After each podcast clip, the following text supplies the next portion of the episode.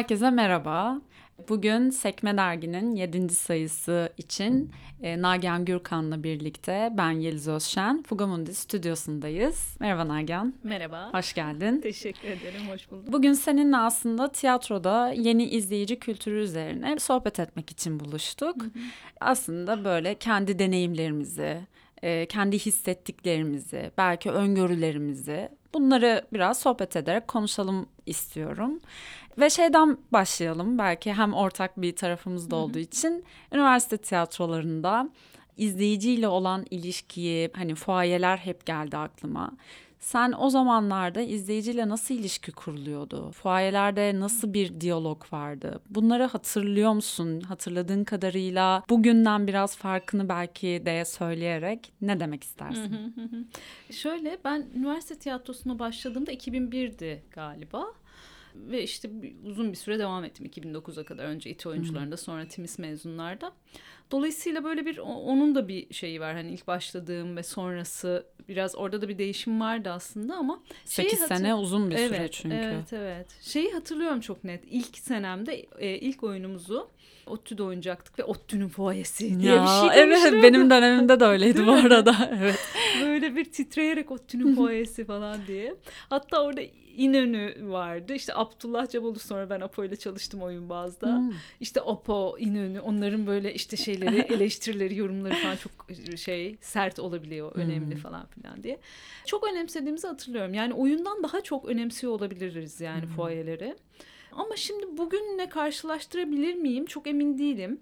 Yani benzeyen bir tarafı var. O zaman da herkes izlediği bir şey üstünde yorum yapmak istiyordu ama hmm. şimdi sosyal medyada olan şey o zaman böyle karşılıklı e, konuşuluyordu.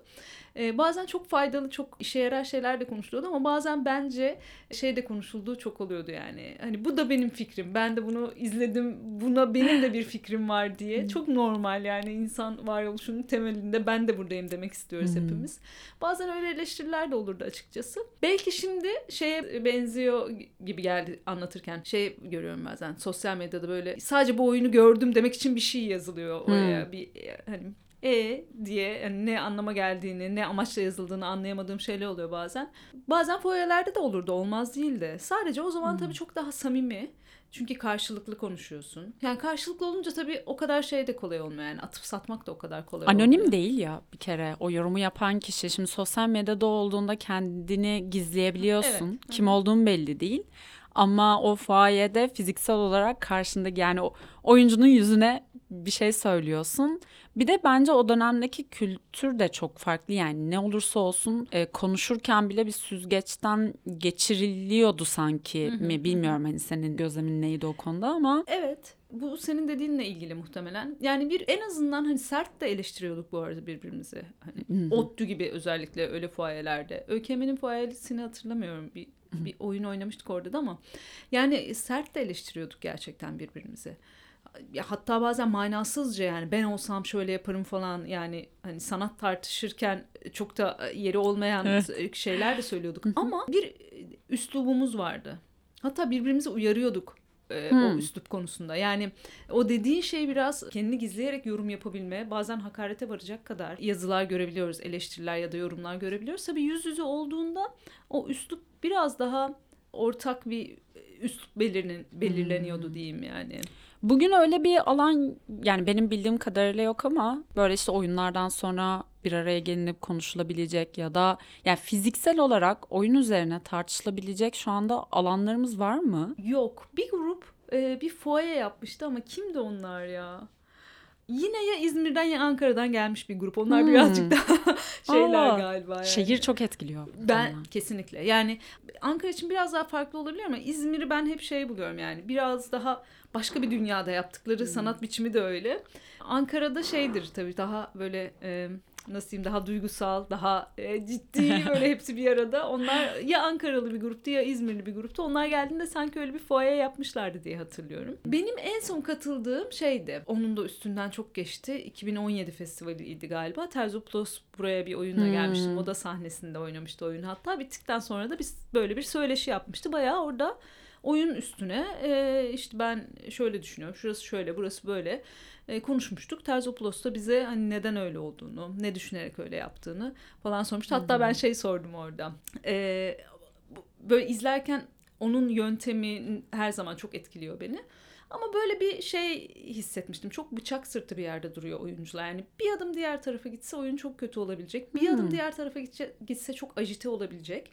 Bir yerde tutmuş çok da güzel o his seyrederken çok güzel bir his veriyor. Bunu sormuştum ben. Yani korkmadınız mı oyuncuların diğer tarafa düşmesinden hmm. falan? Kitabımı al oku demiştim. Dışarıda kitap satılıyordu. Gerçekten mi? Çok tatlı söylemişti ama. Yani önce bir girdi sonra ki kitabı alıp okursan anlarsın falan diye. Bu arada bunu Türkiye'den biri ve yine aynı tatlılıkla söylese bile acayip bir krize dönebilecek bir cümle bence. Yani biraz da konumuzla bağlantılı olduğu için söylüyorum. Hani kitabım dışarıda bir alıp okursan dese işte egoludan mı tut işte narsist mi bilmem ne mi yani o o kadar büyür işte birisi bunu atıyorum tam o anda çekiyor olsa sosyal medyada da bir paylaşsa işte Twitter'da alır yürür bir konu olurdu muhtemelen diye düşünüyorum bilmiyorum. Olabilir evet belki onu söyleme üslubuyla da ilgili. Evet, belki olabilir. çeviri de var tabii şimdi o insan onu da şey yapıyor yani o bir şey söylüyor hmm. çevirmen çeviriyor falan belki. Doğru. Adam da öyle hmm. bir şey dememiştir belki o şey demiştir yani ben kitabımda bundan biraz bahsetmiştim falan demiştir bilmiyorum. Çevirmen yani. de git işte oku falan diye çevirmiş olabilir. olabilir evet. O yüzden çok yani şey almamıştım ben onu ama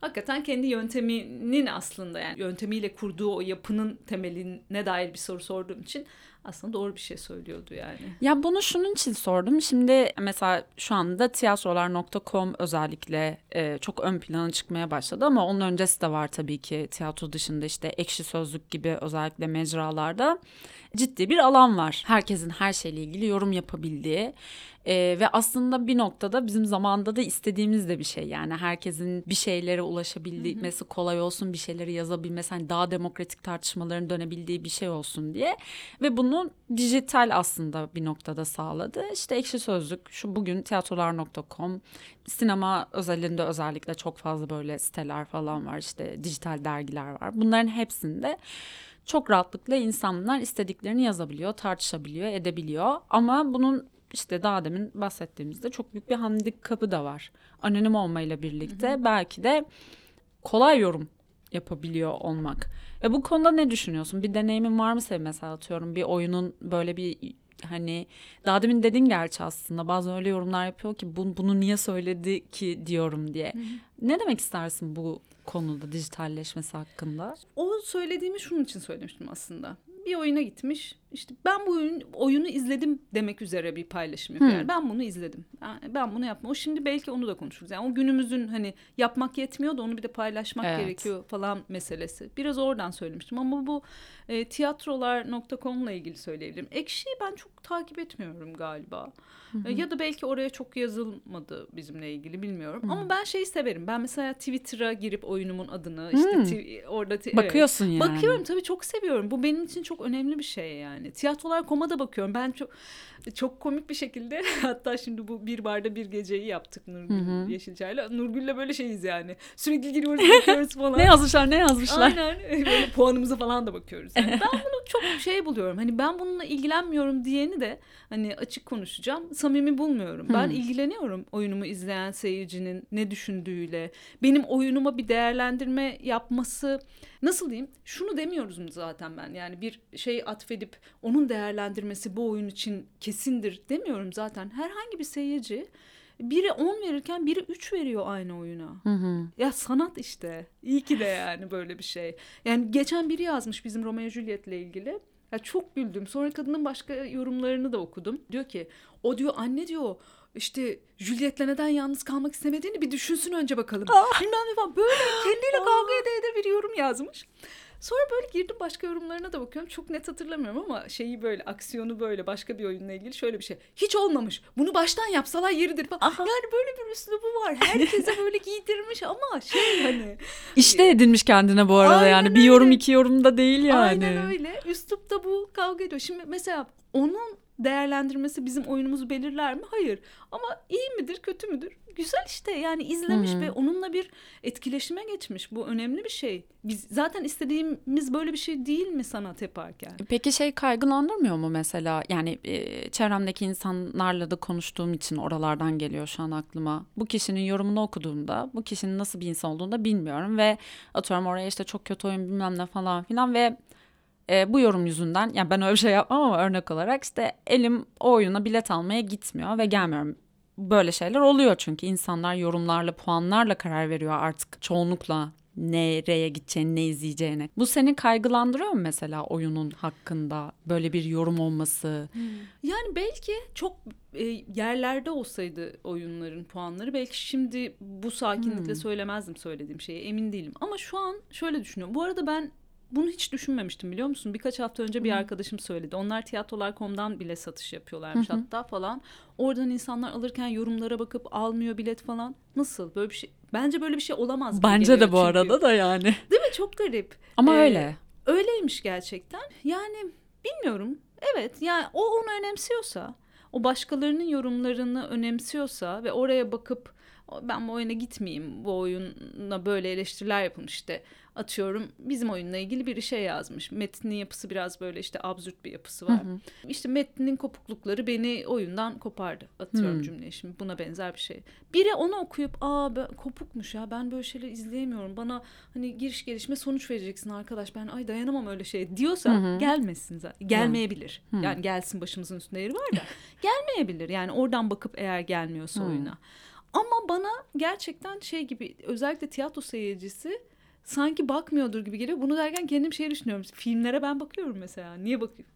Değil mi? Ya bu sayıda işte e, tema editörleri Yavuz Eselen'le de konuştuğumuz bir şeydi. Yani filmlerde bunlar artık daha açık çünkü. Yani dediğim gibi çok fazla platformlar var. Çok fazla puanlama sistemleri, yorumlar falan var ve çok daha erişilebilir filmler ya artık yani bir sürü dijital platformlar falan da olduğu için. O yüzden derya deniz bir şey var ve tüketme mantığıyla zaten işte iyisini bulayım falan gibi bir kafayla girip Orada onu daha rahat görebiliyoruz ama tiyatrolarda pandemi de araya girdiği için tabii ki şimdi biraz yeni yeni çıkıyor gibi geliyor bana ve bu şey tartışmaların ben çok başka başka insanlardan duymaya başladım. Yani o dijitaldeki yorumlar işte puanlama sistemleri bu tiyatroyu nasıl etkileyecek, nasıl etkiliyor. Tiyatro izleyicisi de genişlesin de istiyoruz ya çünkü genişlesin, yayılsın, işte e, olabildiğince başka başka insanlar gelsin Tabii de ki, istiyoruz. ki. Ama bir yandan da işte şey hani bu böyle genişledikçe de başka bir şey haline gelmeye başlıyor. Aslında bir tüketim nesnesine dönüşüyor olması Hı hı. endişelendiren şey ya da Evet. o bir soru işareti belki. Ama o da çok yani şu an dünyanın problemi gibi geliyor bana. Evet sanat için çok daha büyük, çok daha acıklı bir noktaya doğru gidiyor belki bir tüketim nesnesi haline dönüşmesi. Ama bir yandan da şu an dünyanın gerçekliği öyle. Yani orası biraz böyle çok derin bir konu Evet. gibi geliyor bana. Hiç Twitter'da böyle bakarken kötü bir şeyler gördüğünde cevap veresin geliyor? Veriyor musun bilmiyorum gerçi de. Cevap veriyor musun? Ee, yo vermiyorum. Ver, veresin geliyor mu peki? Ya şuna da ya bu öyle değil. Ben biz oyunda aslında bunu yapmak istememiştik. Yani bir gelse bir masaya otursak belki anlatacağım ve bambaşka bakacak falan gibi şeylerin oluyor mu müdahale etme Ya, isteklerin? Twitter'da öyle bir yorum okudum mu bilmiyorum. Okumadım galiba. Bana şey biraz e, nasıl diyeyim uzağım demeyeceğim. Kullanıyorum Instagram falan ama biraz da uzağım. Ben her Hı. yani böyle bir persona gibi algılayamıyorum orayı da. Sanki böyle gerçek insan ve Hmm. böyle bir ya ne oluyor ya? Mesela Instagram'da saçma bir şey paylaştığında bir arkadaşım falan aa bunu niye paylaşıyor kocamı çok seviyorum yazıyor mesela. Aa kocanı seviyorsan kocanı sev iyi ki doğdun kocacım falan. Kocacım içeride falan böyle onlar bende tam yok yüzde yüz çalışmıyor yani. Evet. dolayısıyla Twitter'da yazılan bir yoruma da hani onun böyle bir kanlı canlı insan olduğunu düşünüp cevap Hmm. veresim gelir herhalde gelse ama çok öyle şey yapamıyorum yani hani o, o ayrımı çok kuramadığım için çok o kafaya girmiyorum. Yani herhangi bir yazı gibi değerlendiriyorum. Ama mesela tiyatrolar.com'da biri şey yazmıştı evin kokusuyla ilgili. Benim yazdığım bir metin. Ben Hı hı. yönettim. Sıla oynuyor. İşte yazmış. Oyuncu çok iyi. Oyuncu metinden çok daha iyi diye bir şey yazmış. İddialı bir yorum bu arada ya. Evet bir de şey Gerçekten. hani aslında kimse ona metin çok iyi dememiş. Ya da aç açmamış bunu. Şey de diyebilir yani. Oyuncu o kadar iyi ki metin ona yetmiyor da Hmm. dememiş. Oyuncu metinden çok daha iyi diye bir şey söylemiş. Buna benim cevap veresim geliyor mu? çok gelmiyor aslında. Hmm. Yani nasıl diyeyim çok normal geliyor. Çok ba- bambaşka biri geliyor bizim oyunumuzu izliyor ve ona dair bir hissi var. İşte oyuncuyu Hı-hı. çok beğenmiş belli ki ve kendini böyle ifade ediyor. Metni sevmemiş aslında ama işte Hı-hı. oyuncu metinden çok daha iyi gibi bir cümleyle ifade etmeye çalışıyor. Orada çok cevap verisim gelmiyor ya. Yani hmm. ben hatta bu şey kötü oyun kotası diye bir şey vardı. Hiç onu takip ettin mi? Bir Instagram bir şeyi. duydum galiba. Bir ara baktım sonra aslında bak bunun konusu çekildim galiba yani diye hatırlıyorum ama bayağı eski bir şey değil mi? E, pandemiden önceydi Önceydi işte. değil mi? Yani şey bayağı evet. eski bir üç senesi vardı evet, sanki. Evet, evet. evet hatırladım şimdi. Orada mesela ciddi tartışmalar oldu. Onun yorumlarının altına cevap yazan tiyatrolar hmm. oldu. Böyle tartışmalar oldu. İşte engelleyenler oldu onu falan. Bu konuşma için önemli bir malzemeydi kötü oyun kotası. Çünkü kim olduğu belli değil.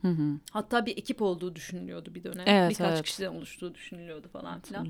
Kim olduğu belli değil. Kendini gizlediği için çok istediği gibi girişebiliyor, eleştiri Hı-hı. yapabiliyor. Ama bir yandan anlıyorsun ki eleştirileri okuduğunda teori biliyor. Yani hmm. bu işi biliyor. Ya tiyatro yapıyor ya işte belki okulunu okudu falan filan. Çünkü yaptığı yorumlar, teorik yorumlar, çok iyi değerlendirmeler yapıyor. Böyle hakikaten işte ben şu an dramaturjide okuyan bir öğrenci olsam oradaki yorumlara bir bakarım bir oyunla ilgili bir şey yazacaksam hmm. diyebileceğim yorumlar da yapıyor. Ama bir yandan saklı bir kimliği olduğu için de insanları çok rahatsız ediyor. Dili de birazcık böyle sarkastik. Hmm. İnsanlar çok öfkelendi, engellemeye başladılar, işte şikayet etmeye, Instagram kapatsın diye falan filan şikayetler olmaya başladı falan. Ben çok seviyordum ve çok istiyordum benim oyunumla ilgili de bir şey yazsın falan diye. Ee, yazmadı. Yazmadı hayır yazmadı. İnsanları da anlayabiliyorum yani. Dediğin şeyle çok alakalı bu arada işte gittim izledim yeterli değil izlediğimi insanlara duyurmak ve bir an önce oyunla ilgili iyi ya da kötü yorum yapmak istiyor ya. ve bu artık çevremizde çok geniş. O yüzden bence bazı insanlar için baskı oluşturuyor. Belki sen hani o baskıyı anladığım kadarıyla bayağı bir filtreye koyuyorsun zaten yani mesafe koyuyorsun sosyal medyayla falan. O yüzden belki sana çok baskı hissettirmiyor ama insanlara çok baskı hissettiriyor gibi. O yüzden de böyle bir şeyle karşılaşınca daha mı agresif davranıyor acaba tiyatrocu işte oyuncusundan yönetmenine? Yani olabilir. Bu çok şimdi birkaç tarafı olan bir tartışma. Yani demokratik bir yandan ama Hı-hı. bir yandan da herkesin her şeyle ilgili bu kadar çok fikri var mı gerçekten? O fikirlerin birçoğu böyle bir, bir yerlerden mi atılıyor? Ee, bir şeyi alaşağı etmeyi neden bu kadar çok seviyoruz? Ya da bir şeyi deliler gibi yüceltmeyi neden bu kadar çok seviyoruz? Yani neden bu kadar fanatik yaklaşıyoruz her şeye falan. Yani biraz oralardan bakmak gerekiyor bence. Hakikaten taraftar gibiyiz ya her konuda. E, sanat konusunda da izlediğimiz bir şey işte az önce sorduğuna belki bir cevap yine biz festival oyunlarından çıkınca falan özellikle çok zaten salonun bir, büyük bir çoğunluğunu tanıyor oluyoruz işte tiyatroculardan evet. oluştu, oluştuğu için sayıcı. Hemen ya da bir premierden çıkınca da olur yani çoğu tanı, birbirini tanır hemen çıkınca bir konuşulur falan. Orada böyle beğenen çok beğeniyor ve neden ötekilerin beğenmediğiyle ilgili böyle şey çok sinirleniyor. Beğenmeyen böyle alaşağı etmek için her şeyini beğenmemeye, her şeyini eleştirmeye başlıyor falan. Bu kadar siyah beyaz, bu kadar hakikaten fanatiklik boyutunda bir şeyi beğenmek, beğenmemek biraz bence dönemin ruhuyla ilgili. Sadece tiyatrocuları rahatsız eden bir şey değil. Bence bu hakikaten rahatsızlık verici bir tutum. Ama e, diğer taraftan sanat yapıyorsak ben şöyle düşünüyorum yani yapıp koyuyoruz, bırakıyoruz tamam. Artık o bizim değil. Artık o izleyicinin de aynı zamanda. Yani ona biraz izin vermek gerek. Yoksa çok orası şey çok eril geliyor bana. Çok sert yani. Hmm tutayım ben orayı onu ben yaptım ben yaptım falan. Ama işte zaten sanatın güzel olan tarafı yaptık ve bıraktık onu artık. Onun kendi yolculuğu var. Biraz hmm. böyle bakmak gerekir diye düşünüyorum. Katılıyorum bence de bırakmak konusu çok önemli.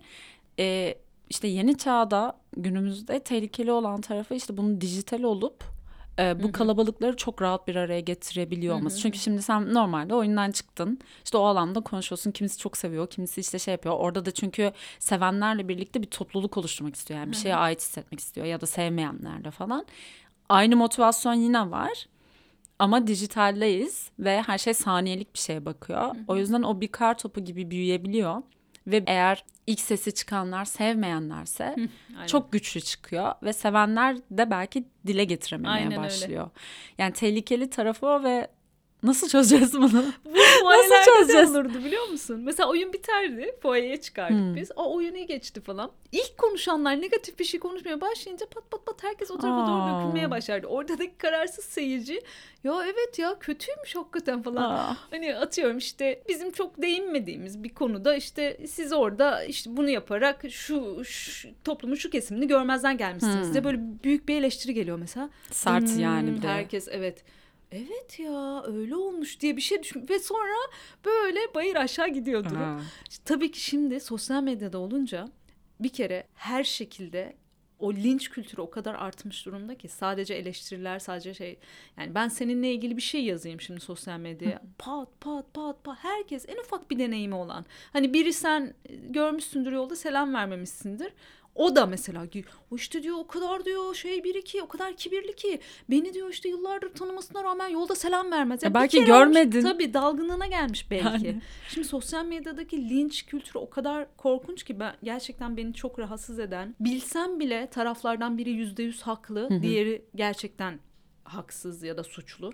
Yine de bir kez daha düşünmeme sebep olan yani haklı mı haksız mıyı düşünmek değil. Bu tutum doğru muyu tekrar düşünmeme Hı-hı. sebep olan bir şey. Çünkü o kadar kolay ki orada evinde oturduğun yerde çat çat birilerini karalamak. Ya da Hı-hı. bir oyun için konuştuğumuzda bunu evet dediğin şey e, benzer bir linç olmasa bile ama benzer bir hareket etme biçimi çalıştığı için Doğru söylüyorsun o biraz rahatsız edici. Çünkü iyi bir oyundu ya ben sevdim derken birileri birden bir şeyler yazmaya başlayınca gerçekten kendini geri çekiyorsun hmm. ve o artık çoğunluğun söylediği oyuna dönüşüyor. Çoğunluk bu oyun kötü diyorsa o artık kötü bir oyun olarak kalıyor. Onda kesinlikle haklısın. Benim bir kere şey olmuştu da bir oyundan çıktık arkadaşım anında şey dedi nasıl buldun oyunu dedi.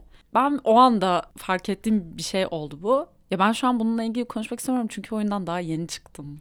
Yani ben o kadar sindiremedim ki ne iyi diyebilirim ne kötü diyebilirim. Hani şu an şey olarak tabii bazı oyunlar için gerçekten çok etkileri çıkarsın ve çok iyi dersin ya da bazı oyunlar için gerçekten çok kötüdür yani falan. Ama öyle bir oyun da değildi. Hani biraz üzerine düşünmem lazım bir, bir dakika falan oldum ama artık oyunlardan çıktığında o kalabalığın konuşmasını zaten duyuyorsun. Aa çok iyi oyundu, muhteşemdi işte kadın nasıl da oynamış ya da işte ya çok kötüydü, sıkıcıydı bu ne biçim tempo. Daha böyle kapıdan çıkarken Aynen. konuşulmaya evet. başladığı evet. için çok etkiliyor.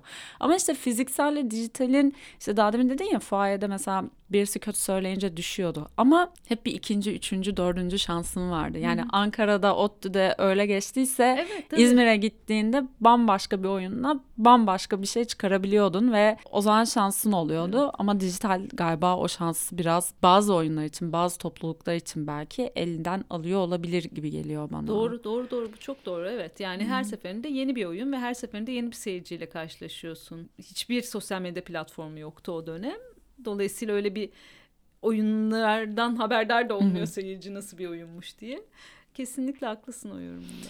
Biraz benim kendi gözlemimden de yola çıkarak yani izleyicinin sosyoekonomik aslında şey de değişti. Yani biraz işte zaten ülkenin geldiği halle de alakalı olarak yani insanların kültür sanata ayırabildiği özellikle orta sınıfın ayırabildiği bütçeler çok düştü. O yüzden belki ayda 2-3 oyuna gidiyorsa artık bir oyuna gidiyor. Belki hiç gidemiyor. Ya da işte bütçesine göre bir şey bulmaya şey yapmaya çalışıyor ve yani benim birkaç özellikle salonda izleme deneyimim onu çok gözlemlendirdi. Bir yandan da ekonomik olarak çok kuvvetli e, olan ama bir yandan da aslında bugüne kadar belki de hiç tiyatroyla öyle bir ilişki kurmamış bir izleyici oluşmaya başladı gibi geliyor bana. Bu çok sert bir yorum da olabilir bu arada bilmiyorum yani kimseyi kırmak gücendirmek istemiyorum ama ya biraz böyle geliyor bana. Senin böyle bir gözlemin var mı? İzleyici kitlesi değişiyor mu? Değişiyorsa ne bileyim sahnedeyken ya da yönetmenken arkada oyununu hmm. izlerken seyircilerde gördüğün bir alışkanlık değişimi bir şey var mı? Ee, şöyle Şimdi bu, bu konuyu ne zaman düşünsem kendimi şey gibi hissediyorum. Bir tane böyle üniversitede tarih hocamız vardı. Böyle çok ballandıra ballandıra böyle elini kolunu sallaya sallaya tarih anlatan bir kadın vardı. Onun biri böyle işte Cumhuriyet'le birlikte seyirci yetiştirmekle ilgili bir şeyler böyle.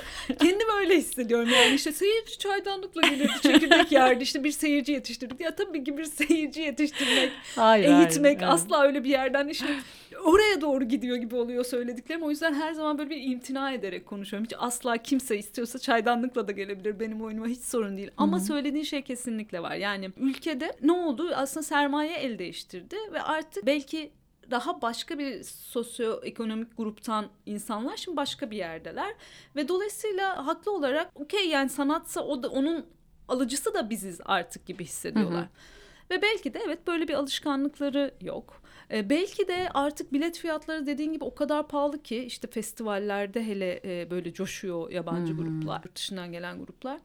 Öyle olunca şimdi sen ben alamazken işte Zorlu'daki işte bilmem kimin oyununa 350 lira bilet hmm. parası 2-3 sene önceden bahsediyorum. Şimdi belki bu sezon ne kadar olacak bu sene festivalde ne kadar olacak bilmiyorum.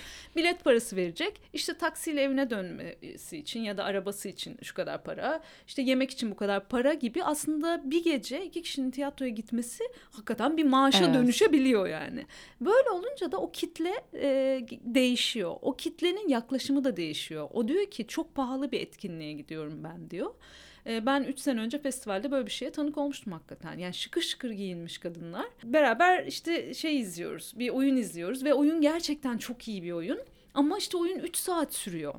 E, bir kere zaten o biraz şey hani zor zor yani. yani evet izlemesi işte üç perde miydi neydi şimdi o öyle bir şeyle gelmiş oraya yani o nasıl diyeyim bir şey almaya ve orada görünür olmaya gelmiş. Hmm. Dolayısıyla o görünürlüğün bir parçası da sosyal medya, büyük bir parça sosyal medya olduğu için sürekli oyunu hikayeye çekiyor, paylaşıyor, hikayeye çek. Biz şey izledik yani böyle bir yandan oyunu izliyoruz, bir yandan 15 saniye öncesinin sesi arkadan of. geliyor çünkü izliyor paylaştığını falan filan. Şimdi yani tabii ki ben seyirciyi eğitmek ya da değiştirmek istemiyorum ama bu işi biraz zorlaştırmaya başladı.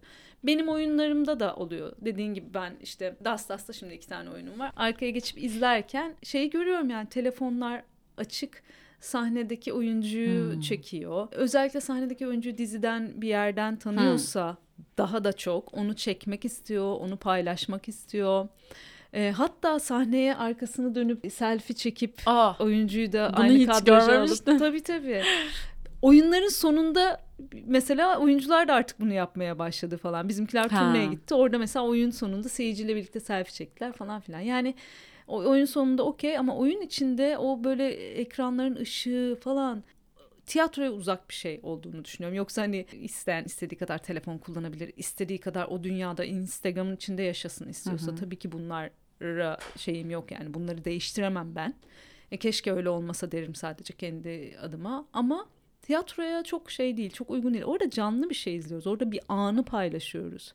O cep telefonunu tutup sahneyi çekmesi teknik olarak hani benim gözümü almasından öte bir rahatsızlık veriyor bana. Çünkü o paylaştığımız anın içine başka bir şey sızmaya başlıyor. Hı hı. Yani onu yapan insan için de ben biraz üzülüyorum yani. Keşke şu an o sahnede izlediğin şeyle kalabilsen. Onu çekip paylaşmak bilmem ne falan hele galalarda falan inanılmaz oluyor yani. Galalarda. Evet evet. Yani, yani halbuki şey... davetli yani gala davetli bir şey ve Zaten, ona göre evet. davet ediyorsun evet, aslında evet. insanları ve evet evet yani bizim premierimizde oldu. Yani yanımda oturan biri sürekli sahneyi çekti, sürekli gazeteciymiş. Hmm.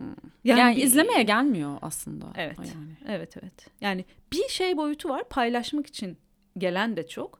Bir de sadece yani evet izlemek için değil gel çağrıldım geldim okey işimi yapacağım gideceğim diye de olabilir bilmiyorum ama genel olarak seyircide o paylaşma ihtiyacı izlemekten daha çok izleme ihtiyacından daha çok bence. Peki e, sence bu yeni izleyici kültürüyle sonuna bağlarız zaten ama bu yeni atmosferde bu her şeyin dijitalle işte oyunların puanlandığı işte 10 yıldızsa biletlerin alındığı dünyada gerçekten demokratikleşin düşündüğümüz şey aslında daha da mı daralıyor? Çünkü işte ya tabii ki pandeminin etkisi bu arada çok büyük.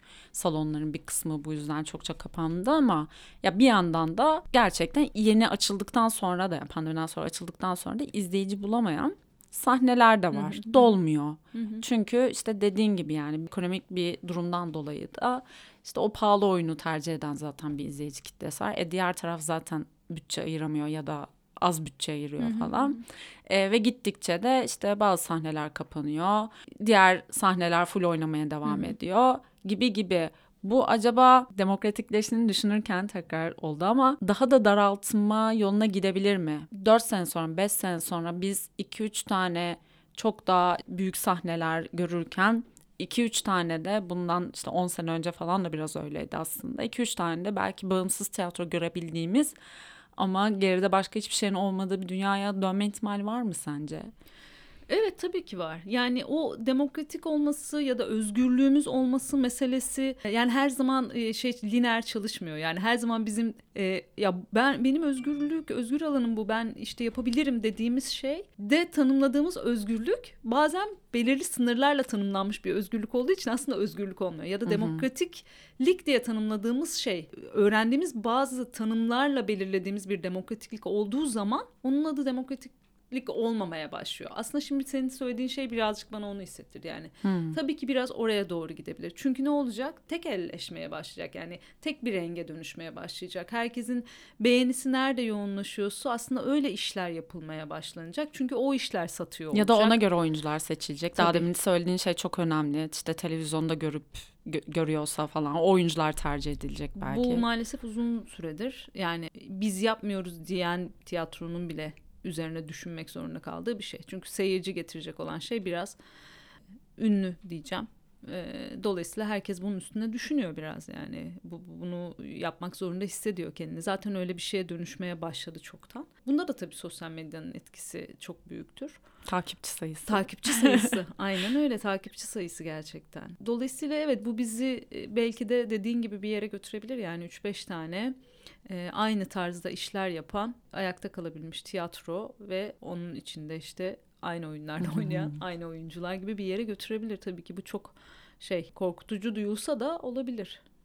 İnsan kendisi için söylemez ama belki şimdi düşününce aklına gelecek bir şey. Hiç öyle bir deneyimin oldu mu ya? Atıyorum şu oyuncuyu çağıralım ya da işte metinler şu kısmı çıkaralım çok linç yeriz ya da böyle bir dekor kostüm kullanılsın ki insanlar kendisi daha izlenebilir. İşte mesela daha bizim ülkemizde çünkü absürt oyunlar falan çok kabul gören şeyler değil. İşte daha gerçekçi dekor kostüm olsun ki insanlar daha fazla izlesin falan filan gibi. Hiç böyle ya ufak bile olsa belki bunlar büyük kararlar ama hiç öyle bir şeyin oldu mu tabii sence? Ki, tabii ki bunu düşünüyoruz. Yani ki muhtemelen en az düşünen insanlardan biriyimdir. Çünkü benim bir mekanım yok. Yani evet. hani kira ödemek zorunda evet. değilim falan filan bir mekanı. Onu ayakta tutmaya çalışmak çok daha başka bir kaygı. Ama ben de yani mesela bu bir barda bir gece oyunu yapı itibariyle böyle absürt e, tek daha doğrusu şey tekrarlardan oluşan yani bizim seyircimizin bazen çok da sevmeyebileceği bir yapı yani işte e, sonunu açıkta bırakıyor falan. Hani biraz hani bizim seyircimiz diye belki şu an kötü bir tanımlama mı yapıyorum bilmiyorum ama biraz böyle e ne oldu şimdi dedirtecek bir final. Tabii ki oralarda şeyi düşün düşünüyorum ben yani. Bazen negatif bir hisle bunu düşünüyorum. Ya hani şöyle yapalım da Şimdi seyirci çok ne oluyor burada demesin. Hmm. Uzaklaştırmayalım seyirciyi ama bazen de mesela bu oyunun finaline müdahale etmek istedim ben. Açıkta bırakmak istemedim. Bu da seyirciyi düşünerek aldığım bir karardı ama daha pozitif bir karardı. Ben şey istedim yani seyirciyi havada bırakmak, boşlukta bırakmak hiç istemedim. Pandemiden yeni çıktık. Böyle bir ha, o şey başka olalım. bir şey. Evet evet bir böyle bir sarmalanalım, bir nokta koyalım o oyuna birlikte istedim bir finaline müdahale ettik. Yani Hı-hı. dolayısıyla seyirciyi tabii ki düşünüyoruz. Tabii ki. Hı-hı. Yani ben eskiden daha e, üniversite tiyatrosunu sen biliyorsun çok cengaver oluyoruz ya yani Hı-hı. seyirci onlama sonra biz bir, bir oyun oynadık Boyzek finalinde alkış selam vermedik falan. Ah. Ay tabii annem diyor ki kızım niye öyle suratsız suratsız gittiniz diyor tamam Selam vermiyoruz falan. Seyirci alkışlıyor biz böyle put gibi duruyoruz falan. Çünkü niye işte bu toplum Boyzek'i öldürdü falan filan. Yani buralardan geldiğim için artık daha şey veriyorum ödün veriyorum tabii ki bazı hmm. şeylerden ve olabilir aslında yani şey düşünmüyorum yani eskiden işte sanat yapıyoruz biz nasıl istersek öyle öyle bir şey değil. Ama bazen gerçekten ya bunu düşünmek zorunda mıyım? Ben mesela şey düşündüm. Ben kötü selam verdiriyorum ya oyuncularıma coşkuyla bitmiyor benim oyunlarım diye bir şey düşünüyorum Aa. bunu hissetme sebebim tamamen sosyal medya aslında. Çünkü o, oyun sonunda çekecekler oyun sonunda çekiyor herkes paylaşıyor. Millet oyun işte çoğu oyunda vardır işte. Finale bir şarkı müzik koyuyor. Oyuncu alkış şey seyirci alkışlayarak falan filan diye bitiyor oyun. Şimdi Allah Allah benim oyunlarımda niye böyle böyle bir şey düşündüm oturup mesela. Çok normal olarak bunu düşünüyoruz ve belki daha da fazla düşünmeye başlayacağız yani. Yani benim galiba aklımdakiler genel olarak bunlardı. Sen eklemek istediğin bir şey var mı? Ya da atladığımızı düşün yani bu işin bir de bu açısı var falan dediğin. Bu bence çok derin bir mevzu bu arada. Çok hani şimdi belki de bilmiyorum böyle başka yerlere gidebilecek şeyler de söylemişizdir. Uzun uzun konuşulacak bir şey ama şeyi belki söyleyebilirim. İnsan olarak çok önemsiyoruz düşüncelerimizi, sözlerimizi. Aslında o kadar önemli değiliz gerçekten.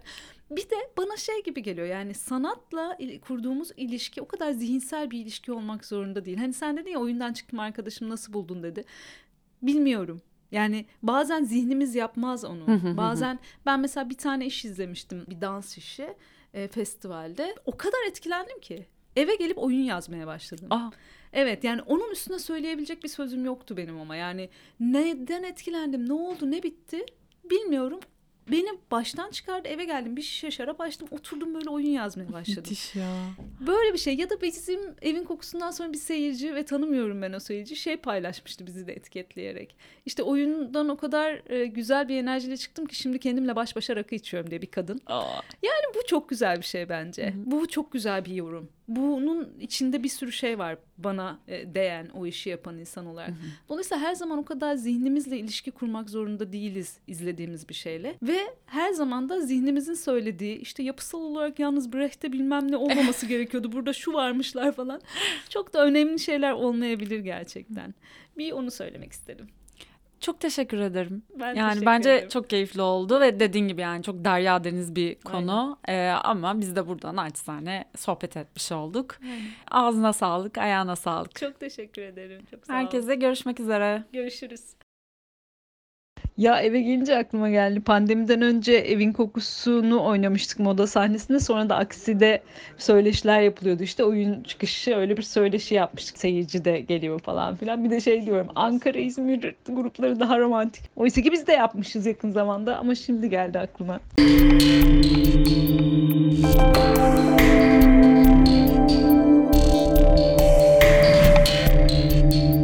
Fugamundi sundu.